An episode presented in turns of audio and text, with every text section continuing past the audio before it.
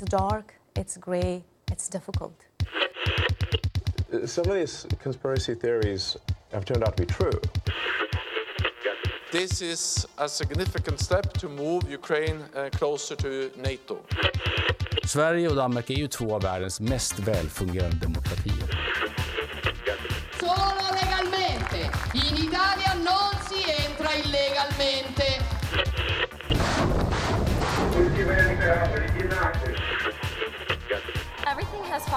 Place. I feel really good about where I am right now. Fredrickson of Denmark and uh, the, Minister the daughter of Ireland.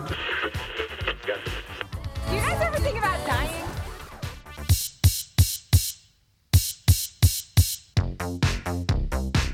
Við lítum okkur nær og fjær í þættinum í dag, förum bæðið til Grænlands og til Kína. Ég heiti Bjarni Pétur Jónsson. Og ég heiti Birta Bjöstóttir. Í síðarluta þáttarins ræðir Dagni Hulda Erlendstóttir við formann mannreitndarraðs Grænlands um mál sem fjallað hefur verið um talsett í fréttum.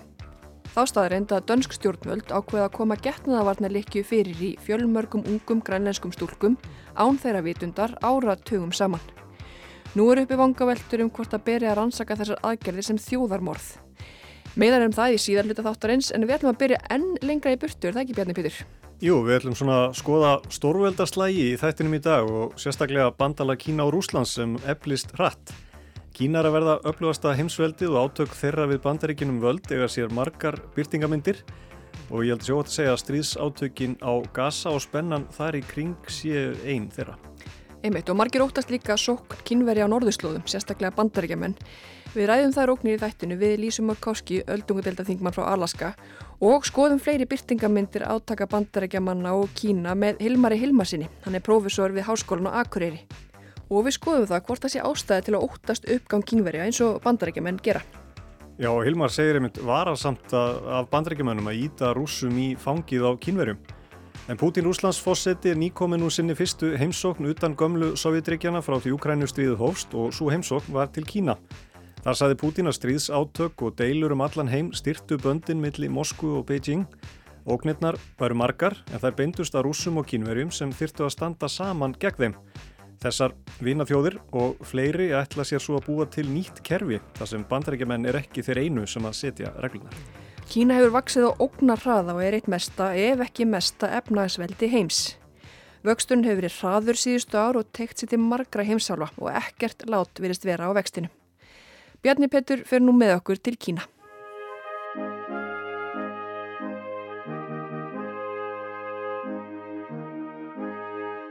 Kína er á mikilli og hraðri uppleið og vinsælt að líka því við sofandi risa sem sé nú vaknaður af værum blundi og farin að láta til sín taka á alþjóðvettangi. En þessi risi hefur ekki verið sofandi, hann hefur stækkað hratt. Kína er orðið eitt upplugasta heimsveldið og sennilega aðeins bandaríkin sem standast í snúning. Bandaríkin og Rúsland hafa lengi verið í þessum hlutverkum og Sovjetríkin þar á undan, en Kína hefur tekið yfir í kapplaupinu við bandaríkin. Það er nú mikil uppsveifla, hernaður uppbygging og afar jafn og góður gangur í efnaðslífinu. Hafaukstur í Kína hefur mælst að jafnaði með örfáum undantekningum um 5% síðan 2019. Það er þrátt fyrir heims faraldur og stríðsátök. Til samanbörðar hafa flest hinstórveldin og flest önnur löndraunar þurft að þóla miklar sveiblur. Hafaukstur mæltist 4,9% á þriðja ásfjörðingi þessa ás og fátt sem bendir til þess að kólinn fyrir kínvesku efnaðashraðlestina síðan klárast. Kína er hagkerfi sem að eftir 1,4 miljardar manna og þeirra hagkerfið og mærir á jafnbyrðisgengir og er starri en það bandaríska. Þetta er Hilmar Hilmarsson, professor við Háskólan og Akureyri. Hann þekkir alþjóðastjórnmálin vel og segir spennandi að fylgjast með stórveldunum þessa dagana.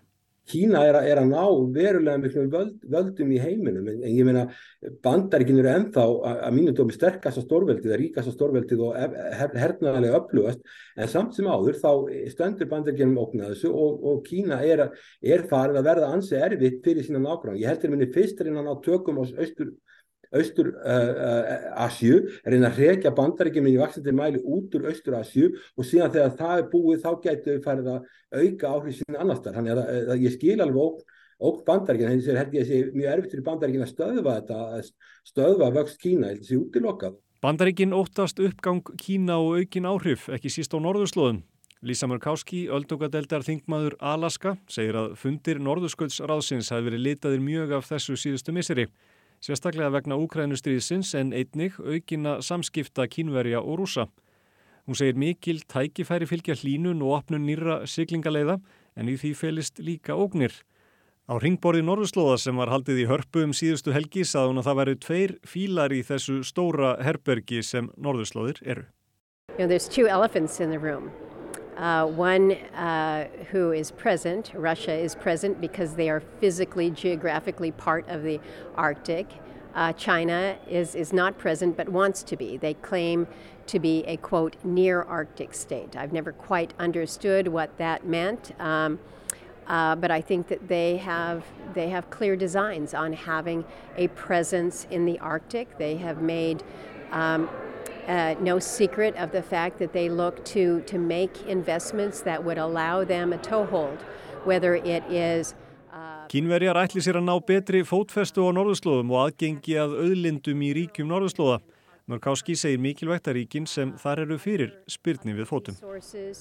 So China is taking a, I think, a, a view towards the Arctic uh, that they are entitled to be that full Arctic participant.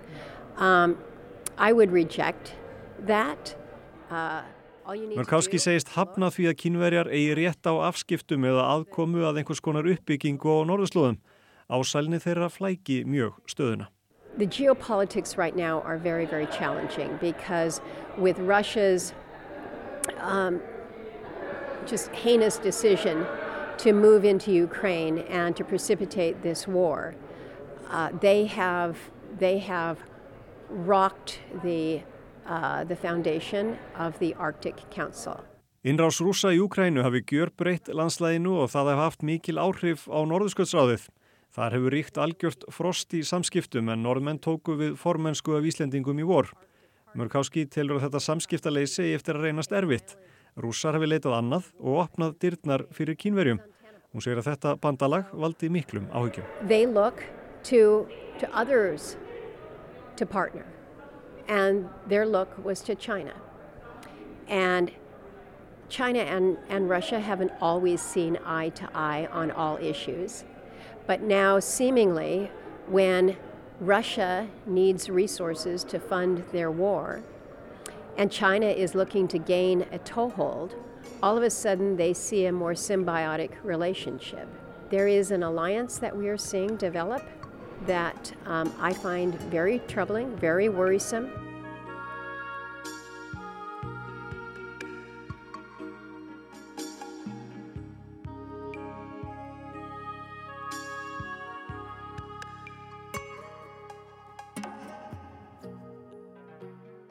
En er ástæða fyrir bandarækjumenn að hafa áhugjur? Hvað vakir fyrir kínverjum og hvers vegna er þessi mikli og hraði uppgangur Kína svo varasamur? Bandaríkjun og Kína hafa undanfarið barist um áhrif og völdum allan heim. Kína kynnti til sögunarverkefni sitt belti og braut fyrir tíu árum og það er komið vel á veg. Gamalt kínverst spakmæli segir eitthvað á þessa leið. Ef þú ætlar að verða efnaður þá skaltu leggja vegi. Og einmitt það ætla kínverjar að gera og mikið af því. Þriðja ráðstefnan um belti og brautverkefnið var haldin í síðustu vikum. Þetta er umfánsmikið innviða uppbyggingarverkefni þar sem stemtir að byggingu, vega, lestarteina, stíplina, brúa og hafna í minst fjórum heimsálum. Verkefnið hefur þó breyst frá því að það var kynnt til sögunar og fleiri breytingar ventalegar ef marka má orð Xi Jinping á ráðstefnunni. Nú þegar kínveska hagkerfið er að hæja á sér verður minni áherslu á að lána mikið fjö til stóra verkefna og frekar á að kynna grænar lausnir og leiðir sem kínverjar sjá fyrir sér að bættum heimi. Xi lísti Kína sem fríðelskandi risa sem vildi helst endurreisa silkileðina, net fjölda vestunarleiða sem lágu frá Kína til allra átta í Asíum, um austur Evrópu og allarleið til Rómar og nú á að fara enn lengra. Þetta snýst samt um svo miklu meir en að flytja vörur og komast á milli staða. Xi Jinping hefur stækkað verkefnið mikið og tengt það allskynns áherstum kínverja sem þeir vilji kynna heiminum. Það hefur verið kallað ímsum nöfnum, vinn í eigðimörkinni, griða staður í hættilögum heimi og vegur til fríðar og velmögunar. Veslun og viðskipti og ábatinn sem af því hlýst var leiðarstefið í setningaræðu Xi Jinping, þar sem hann sagði meðal annars. Það er í dag í lú, það er í Frumkvöðlar gömlu silkileðrænar unnu sér ekki sessi í sögunni með því að leggja undir sér lönd með herskipum, bissum, hestum eða sverðum.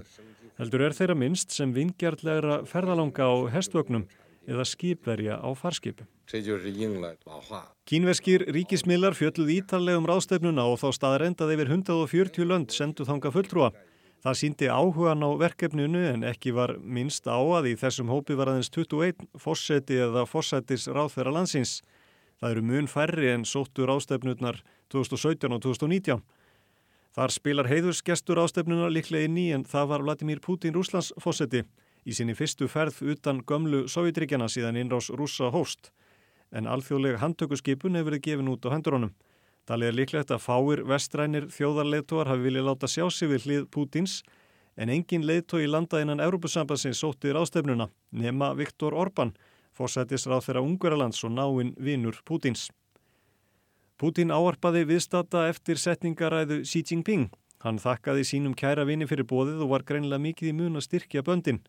Í ræðinni var á stundum einhver líkara en Pútin væri samgöngur á þeirra í ríkistjórn Xi Jinping. Hann lofaði belti og brauti í hástert, saði þetta stórt og mikilvægt framfaraskref og mikilvægt að sem flestir tækju þátt. Kína er núna stærsti kaupandi rúsneskrar orku en viðskiptaþvinganir vesturlanda vegna Úkrænustrísins hafa neitt rúsa til að breyta um kurs. Þeim hefur líka farnast ágætlega með að við það miklu breytingar sem hafa orðið og það er ekki síst fyrir tilstilli kínverja. Pútin læði líka miklu áherslu á þau tækifæri sem fælust í þáttöku annar ríkja í belti og brautverkefninu. Þar hrósaðan Xi Jinping mjög hann þvingaði aldrei neitt til hlýðni heldur væri sangjart og byði valmöguleika. Sömulegis væru mörg góð efnagstækifæri fyrir fjölda ríkja falin í belti og braut. Þar opnuðust mikilvægar viðskiptaleiðir sem kemur öllum vel, en Pútín sagði að þetta væri andstætt þeim aðferðum sem stóru ríkin beittu og ættu sér langa nýlendusögu.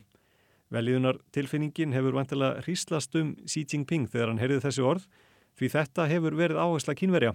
Þessu verkefni sé mitt ætlað að fara gegn nýlendu stefnu fortíðarinnar, þar sem Vesturlönd ásældust auðlindir vanþróaðri ríkja.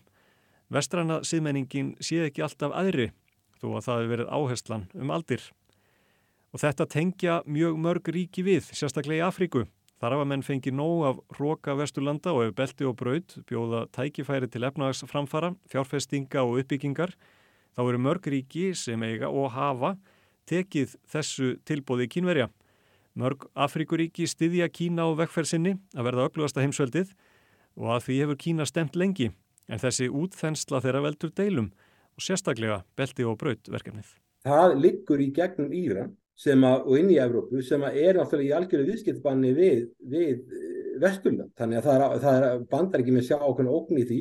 Þess vegna eru bandaríkjum en voru þeir að fara á stað með annað verkefni sem, að, sem er hér í India, uh, Middle East, Europe Economic Corridor sem liggur gegnum uh, saminuðu uh, arabísku fyrstudæmin, gegnum Sáti-Arabíu og Jórdaníu inn í Ísrael og þar er bandaríkjumenn að reyna að ná, ná, fá Sáti-Arabi og saminuðu arabísku fyrstudæmin til, til þess að, að taka upp eðlileg samskipti við Ísrael.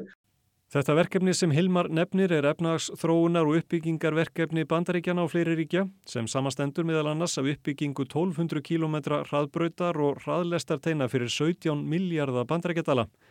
Því var formlega hleitt á stokkunum á fundi G20 ríkjana á Índlandi í september.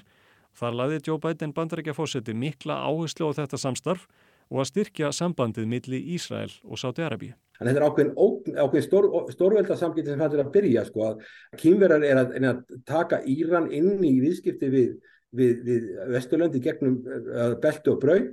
Og svo eru bandaríkjumenn að, að koma með verkefni sem er í samkeppni við, við beltu og braut sem er þetta verkefni sem enda svo í Ísrael. Þannig að þá ef það er komið eðli samskipti millir Ísrael og Sáti-Arabíu og saminuð arabísku fyrstadæmina þá náttúrulega er ákveðin hægt á því að að, að Palestínum málinn gleymist og það sé bara talið að sé allt í lægi hvernig ástandi er í Palestínu, sem náttúrulega er ekkert í lægi. Biden saðist í vikunni sannfærður um að þetta samstagsverkefni og bætt samskipti Ísrael og Sáta væri ein af ástæðum þess að Hamas réðist á Ísrael í byrjun mánadarins, en Hamas samtökin hafa lengi verið fjármögnuð að stórum hluta af Írunum. Það er stórlega að keppa um áhrif í ákveðnum heimsluta en síðan bætist það við að bandaríkin eru ekki tilbúin að, að, að beita sínum áhrifum á Ísrael og Netanyahu vill ekki viðurkenna Palestínu sem sjálfstættríki og þarna skapast ákveðin spenna. Og þegar að, þegar að hérna, bandaríkin er að þrýsta á um þetta verkefni sem á að fara í gegnum Ísrael þá síður upp úr. Já, Hamas, þá sjáðu fram á það að það er engin von framöndan og þá bara fara Araberíkinn þannig að tvö mikilvæg ríki að fara að viðurkenna Ísrael eins og ekkert sé, þá síður upp. Ef Ísraelar ganga á langt gæti India Middle East Europe Corridor verkefnið verði í hættu og staða bandarækjana í þessum heimsluta veikst. Því myndu kínverjar fagna þegar vunnið að því lengi að jafna valda hlutvöllin og draga úr áhrifamætti bandarækjana. Nýju lífi var hleyft í BRICS samtökin á þessu ári en það er stækkandi bandalag þjóða sem var stopnað af Brasilíu, Rúslandi, Indlandi, Kína og Suður Afríku. Sko, Bandaríki leiða G7 ríkin sem eru þessi gamlu nýlenduríki og þessi ríkulönd sem við, við vitum hverju eru, leiða hann hóp og síðan eru BRICS ákveðið mótvægi sem eru nýmarkasríki sem eru, eru lönd sem eru sumilíðra eins og Indland, önnur eru, eru e, e, einræðisríki eins og Kína og síðan, síðan Rúsland með ófullko, eitthvað ófullkomi líðræði. Það er erfitt að, bregðast því þessi lönd eru farin að mynda sínar eigin alþjóðstafnir, sín eigin kerfi. Þau ætla ekki að lifa við vestræn kerfi lengur. BRICS-ríkin ákvaða árið 2012 að stopna nýjan fjárfestingabanka sem ætla að vera stiðja við efnahags uppbyggingu í þróunaríkjunum. Hann á að vera mótvægi við alþjóðabankan. Hilmar segir ríkin ætla að fresta þess að búa til eigið kerfi sem ekki fylgi vestrænum reglum valda hlutullin innan þessara gömlu Bretton Woods-sáttmála, alþjóðabankars og alþjóðagjaldis eru þannig að það eru þessi ríku innríki, G7-lendi, þessi ráða eiginlega öllu, bandaríkin ráða langmestu, uh, höfustöðarstofnarna er, eru í Washington og, og, og það eru atkvæðið bandaríkina miklu meira heldur atkvæðið í Kína, þó Kína stjórið starra hættirfi, uh, hérna Eh, heldur en bandaríkinn eh, út, út frá jafnverðiskengi. Þannig að sko þessari vestræðinstofnarnir sem að vesturlandstofnuðu eru mjög byggðar upp í óhag fyrir þessi stóru nýmarkasríki sem er að rýsa og stakka og þau sætta sig ekki við þetta. Og ég held að það myndir bara leiða til átaka ef það á að reyna að kæfa þetta niður. Það við þurfum að læra að vinna með þessum löndum og leiða þeim að þróast áfram. Alveg svo fátaklönd þurfa tíma til að þróast. Þá þurfa lönd sem eru, eru með ófullkomi líðræði eða einræði þau þurfa að sín tíma Antonio Guterres, framkvæmtastjóri saminuðu þjóðana, sótti belti og braut ráðstefnuna í Beijing. Hann saði verkefnið fyrst og fremst færa fátækari ríkjum mikil tækifæri. I think that uh, the Belt and Road deserves congratulations and this forum deserves congratulations. For us, first of all, the Belt and Road is an excellent instrument to allow them to do a number of investments that they have no capacity to do, no fiscal space to do. I think it's important also to reflect that uh, uh, we need some fundamental changes in the name of justice and equity in our international economic and financial system. Pútín Rúslands fósetti fagnaði mjög styrk BRICS landana og stiður að fleiri stopnunum verði komið á fót til að aftra því að bandaríkin geti ráðið því sem þau vilji ráða. Kanski ekki að undra því margar þeirra hafa sótt mjög aðonum eftir innrásina í Ukrænu. Hann var spurður út í það sem hann hefur kallað nýlendu stefnu stórveldana og það séu þeirra reglur eða engar og hann hlóð þegar frettamæður spurði um þetta hvaða reglum ættið að fylgja. Engin hefði séðar og þær væru sí breytilegar. Вот вы сейчас сказали, порядок, основанный на правилах. А вы видели когда-нибудь эти правила? Нет, потому что их никто никогда... Hann segir að bandaríkinn þurfi að breyta þeirri heimsín sinni að þeir séu yfir aðra hafnir Hilmar segir að stert samband rúsa og kínverja ógni bandaríkjunum en þeir geti vel fóta sig við þessa nýju aðstæður. Það þurfi þó að ræða málinn áður en upp úr sjóði. Og það gæti vel gert það, sérstaklega hjá Kína nærri heimahögunum. Kína á landamærað 14 ríkjum og hefur verið í deilum við mörg nágrannaríkjana og sömulegis Japan og Suður Kóru. Kína hefur þó ekki tekið þátt í stríðsátökum síðan 1979, þá í stríði við Vietnam. Þannig ég er ekki vissum að Kína sé þessi gríðarlega miklu ógn sem að, að bandaríkinn halda en það, það verður náttúrulega ógn ef að það ver, er ekki reynd að ég held að sé að vata nokkuð talsamband millir bandaríkina og Kína í dag. Það, það er mjög hættulegt að lönd sé ekki að tala saman og reyna að finna leiðir til að lifa saman. Við getum ekki breytt Kína með snöggum hætti í, í vestrænt líðræði þannig að bara þessi heimurinn getur komist af og það er áhugjefni að þessi að, að, að okkar bandalarsriki bandaríkin hversu, hversu gjarnir menn eru á að finna hernaðalösnir í, í, í málum, það, mér finnst að vera áhugjefni og þessi mikla hernaðar uppbygging og mikla hernaðar áherslu og ég er bara að minna á það að Dwight Eisenhower eh, sem var eh, hérna, bæði bandaríkjafósiti og, hérna, og hersöðingi í setni heimstyrjöldinu, hann varaði við því sko að herrgagnaðinarinn gæti orðið á sterkur í líðræðisríkjus og bandaríkjum. Maður hefur vissar áhugjur af því en auðvitað er bandaríkin leit og hins frjálsa heims og, og best fyrir mannréttundum og slíku. Þannig að auðvitað beðum að virðingu fyrir því. En ég held að stórveldin verði að læra að vinna saman ef við ætlum að, að, að lifa í, í friðsumum heim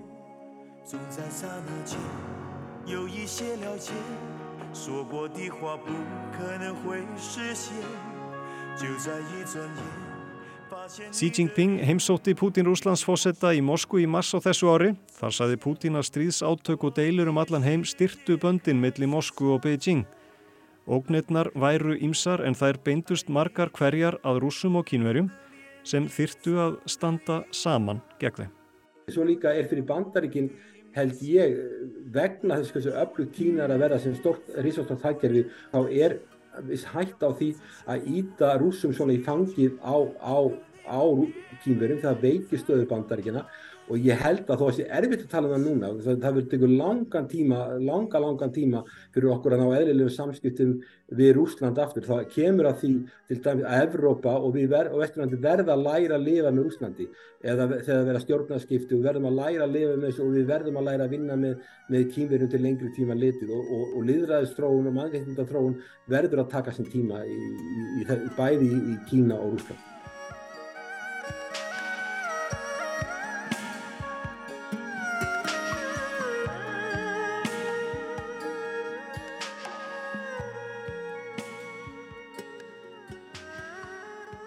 Og þá höldum við til Grænlands. Dönsk stjórnvöld komu getnaðavarnarlikjunni fyrir í líkumum kvenna og stúlkna á Grænlandi án vitunda þeirra til að hæja á fólksfjölgun og var tilrauninni líst sem vel hefnaðri. Formaður mannreitnindaraðs Grænlands segir mikilvægt að rannsaka málið ofan í kjölinn og skera úrum hvort þessi mannreitnindabrót berið að skilgrana sem þjóðarmorð. Sumar stúlknuna hafi aðeins verið 11 ára gamlar. Dagni Hulda Erlendsdóttir kynnti sér málið og rætti með annars við formann mannréttindaraðs Grænlands.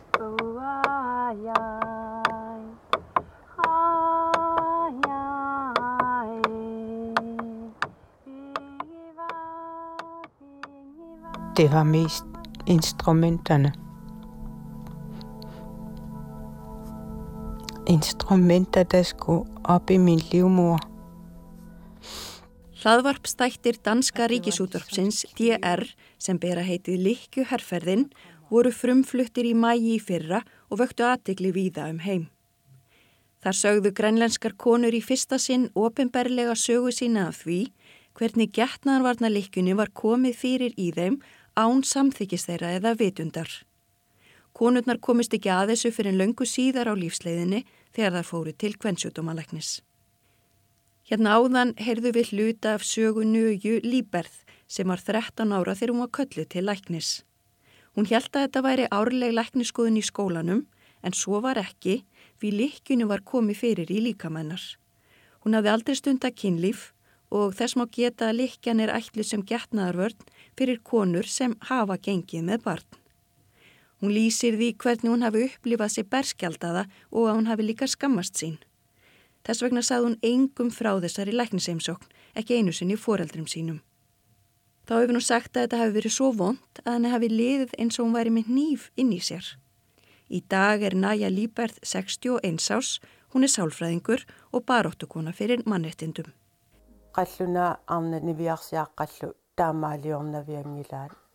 Svona hefði aldrei verið komið fram við danskar konur og stúlkur. Þetta sagði hún í viðtali við TR. Mannréttindaráð Grænlands hefur látið til sín taka í málinu. For me it was a huge surprise because this was not something that was talked about. Uh, but what I can say that on Facebook, women from a specific demographic would write, is anyone else experiencing this or has anyone else experienced this? And then finding each other and then figuring out there's a whole lot of them, not only a few. And that it, this was done in a very systematic manner. Þetta er Kívíok Löfström, formaður mannréttindar áðs Grænlands. Hún var hér á landi á dögunum og þingi Ringborðs norðurslóða og það rættu við í heimskviðum við hana. Hún segir að frásagnirnar í fyrra vor hafi komið sér mjög á óvart. Ekki hafi verið mikið rætt um þessi mál á Grænlandi. Það hafi þó verið konur á ákveðnu aldurspili sem spurðust fyrir á Facebook hvort einhverðarna úti hefði lendið í sama. Þannig hafi konurnar fundið hver aðra og komið staði að þær væru margar og að þetta hafi verið gert á kerfispundin hátt. And then when we heard about it from the Human Rights Council, of course, we reached out and tried to, to do something about it because these are obviously human rights violations that we need to look into. And even more uh, horrifically, we need to look into whether or not it, it can be considered genocide. Uh, and if not, why? Þegar þau mannrettindaráðinu heyrðu af málinu, settu þau sig að sjálfsögði í samband við konurnar svo hægt er það bregðast við þessum frásögnum. Því þetta eru augljóslega mannrettindabrót sem þarf að rannsaka, segir Kífiók. Það sem sé enn meira oknvikjandi sé að kanna þurfi hvort þessar gjörðir danska stjórnvalda eigi að skilgreina sem þjóðarmorð og ef ekki, þá hvers vegna. Já, já,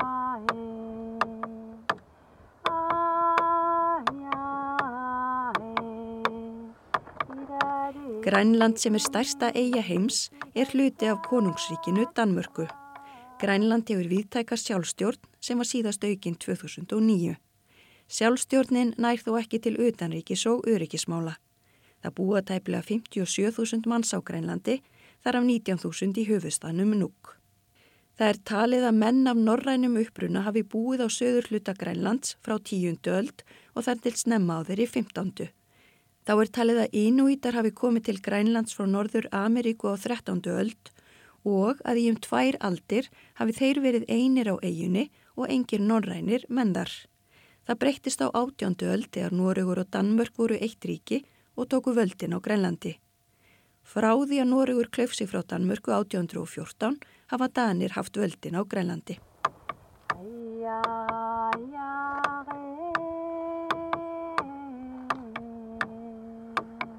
Heilbriðismál á Grænlandi voru á forræði danskra stjórnvalda fram til ársins 1992. En er margt á huldu um umfang aðgerða danskra stjórnvalda í likjumálunu. Talið er að getnaðarvarna likjum hafi verið komið fyrir í helmingi allra kvenna og barnignaraldri á áttunda áratugnum. Það voru 4500 konur. Oft vissu þær ekki hvað var verið að gera við þær og gáti því ekki gefið samþykki. Ekki var heldur leita eftir samþyggi fóreldraðira. Markmið danskra stjórnvalda var að hæja á fólksfjölgun á Grænlandi. Kífiók segir að ásakanirnar á hendur danska ríkinu séu alvarlegar og því mjög mikilvægt að það séu óháðir rannsakendur sem farið með málið sem virðist tegja sig frá árunnu 1960 til dagsins í dag. So we needed an unbiased investigation of what had been going on from what appeared to be 1960 to now. Búist er við að rannsókn stjórnvalda ljúki 2025. Hún nær til tímabilsins 1960 til 1991. Mannréttindarað Grænlands og mannréttindastofnun Danmörkur mælast þó til þess að tímabili frá 92 til dagsins í dag verði líka rannsakað, segir Kífjók. So that is something that uh, the Greenlandic government is looking into at the moment. And I'm happy that they are because this is an important issue that we still hear uh, more women uh, coming. Ríkistjórn Grænlands er með það til skoðuna, segir hún. Það séu góðar fréttir, enda máli bringt og sífælt fleiri konur að stíga fram. And the hor horrific part of this knowledge that we gained is that while the preliminary investigations took place, we suddenly would hear stories of children as young as 11 years old being held down by adults and forcefully uh, inserted IUDs. Óknveikjandi hlutin af þessu er sá að á meðan á frum rannsókn stóð komu fram sögur af börnum allt niður í 11 ára sem var haldi niðri af fullornum og getnaðarvarna likju þröngvað í þau.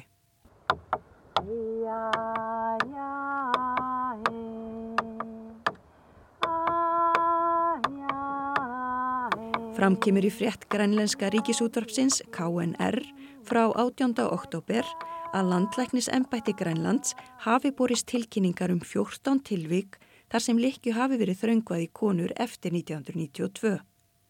Það segir einnig að 116 konur hafi tilkynnt um að brotið hafi verið á sér í likjuherferð danskra stjórnvalda og að það hafi reynst erfitt að finna sjúkraskrár allra kvennana.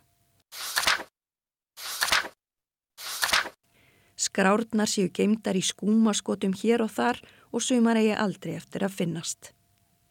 67 konur ætla ekki að býða eftir niðurstöðu rannsóknar og hafa þegar krafið dönsk stjórnvöldum skadabætur. Hver þeirra krefst 300.000 danskra króna, upphæðar sem jafngildir tæpum 6 miljónum íslenskra króna. Bótakröfunni hefur ekki verið svarað. Búist er við að fleiri konunni eftir að bætast í hópin. Með þessari herrferð riðist ríkið í læknisfræðilegt ingrepp í lífstúlkna út frá þjóðurniðira. Allt var þetta hluti af efnagsaðgerðum því það var talið of dýrt fyrir danska ríkið ef grænlendingum myndi fjölga.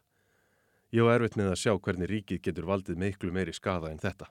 Þessi orð hefur grænlenska ríkisútvarpið eftir lögumann í hópsins, Mats Pramming. Hann segir danska ríkið hafa brotið gegn ákvaðu mannrettinda sáttmála Evrópu um mismunun, pyntingu og rétt til fjölskyldu og engalífs. Ef ekki verður brugðist við kröfunum, ætli konurnar með málinn fyrir dóm í Danmörku.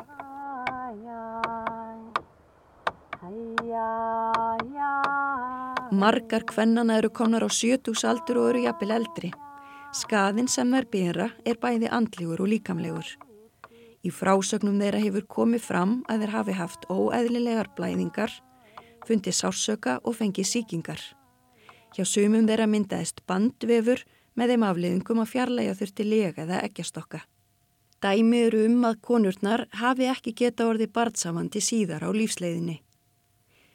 Þegar likjuherrferðin hófst fættust um 1500 börn árlega á Grænlandi. Þeim fækkaði niður í 900 til 1000 á ári.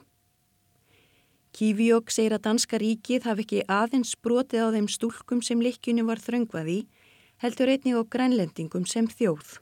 Our rights as a collective people has been violated as well. So we're not only looking at the individual rights of children, of parents and of women, but we're also looking at the collective rights of the indigenous peoples of Greenland that have been violated by the state of Denmark. Kívíok segir að danska ríkið hafi ekki aðeins broti á þeim stúlkum sem líkinum að þröngvaði, heldur einning á grænlendingum sem þjóð. Við horfum ekki aðeins til réttar hvers og eins barns, foreldra og kvenna, heldur einnig til réttar okkar sem innfætra grænlendinga, sem danska ríkið hefur brotið á, segir Kívíok. Það sé því mjög mikilvægt að þetta verði allt skrásett og kannað og að meðferð upplýsingarna fel í sér virðingu og heilun fyrir fólkið sem brotið var á.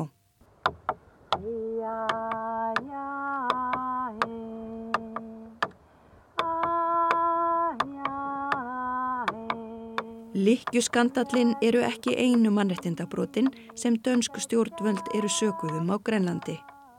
Framkom í skýrslu sérstags sendifulltrúa saminuð þjóðana sem rannsakað hefur innleiðingu yfir lýsingar um réttindi frumbyggja að grænlendingar hafi þurft að þóla mikla mismunun og fordóma í samskiptum sínum við dönsk yfirvöld. Fordómatnir endur speklist til að mynda í opinberri tölfræði. Hlutfall heimilislausra sé ofmetið og slíkt drægi úr trösti. Fá merkis jú um að ríkistjórnin taki á vandanum af alvöru, segir þar.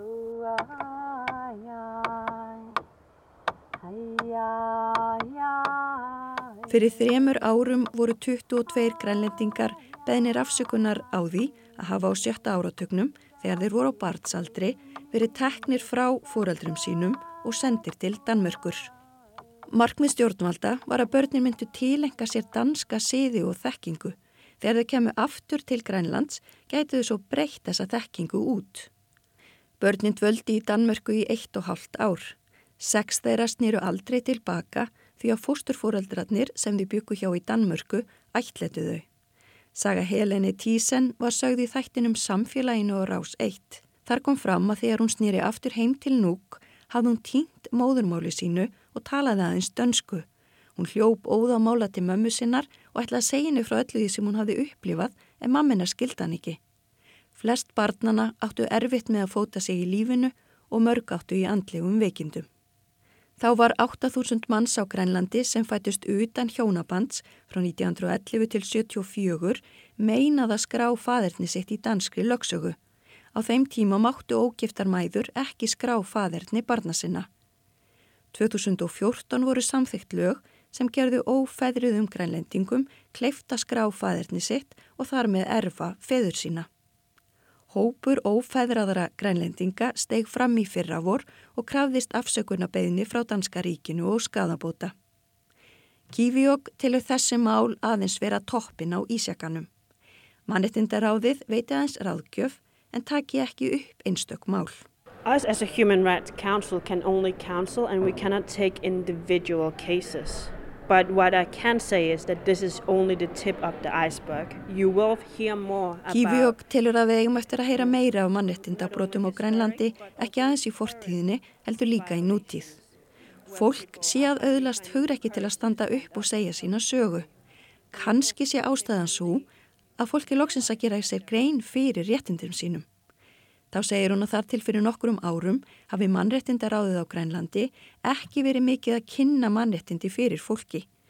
Það hafi þó verið mikil umræða um réttindi barna og að bæði fóreldrar og börn séu meðvitu um þau en að umræðan hafi verið lítil um réttindi þeirra sem fólks, sem fullorðina einstaklinga og sem frumbyggja. And now that that dialogue is starting and that people are uh, learning about it, they of course also seem to realize, hold up, that's my right and that's not being upheld. I'm, Svo umræða sé að byrja. Fólk sé að læra og virðist tekja rétt sinn sem brotið sé á. Fólk sé að átta sig á því að það sé ekki aðeins þess persónulega tilfinning að brotið hafi verið á því, heldur hafi það í raun og veru verið gert. Formaður mannrettindarásins segir að fleir og fleiri leiti réttarsins fyrir dómstólum. Það sé dásamlegt að sjá að þau búi í líðræðisríki þar sem fólk geti gert það og geti staðið upp gegn ríkinu.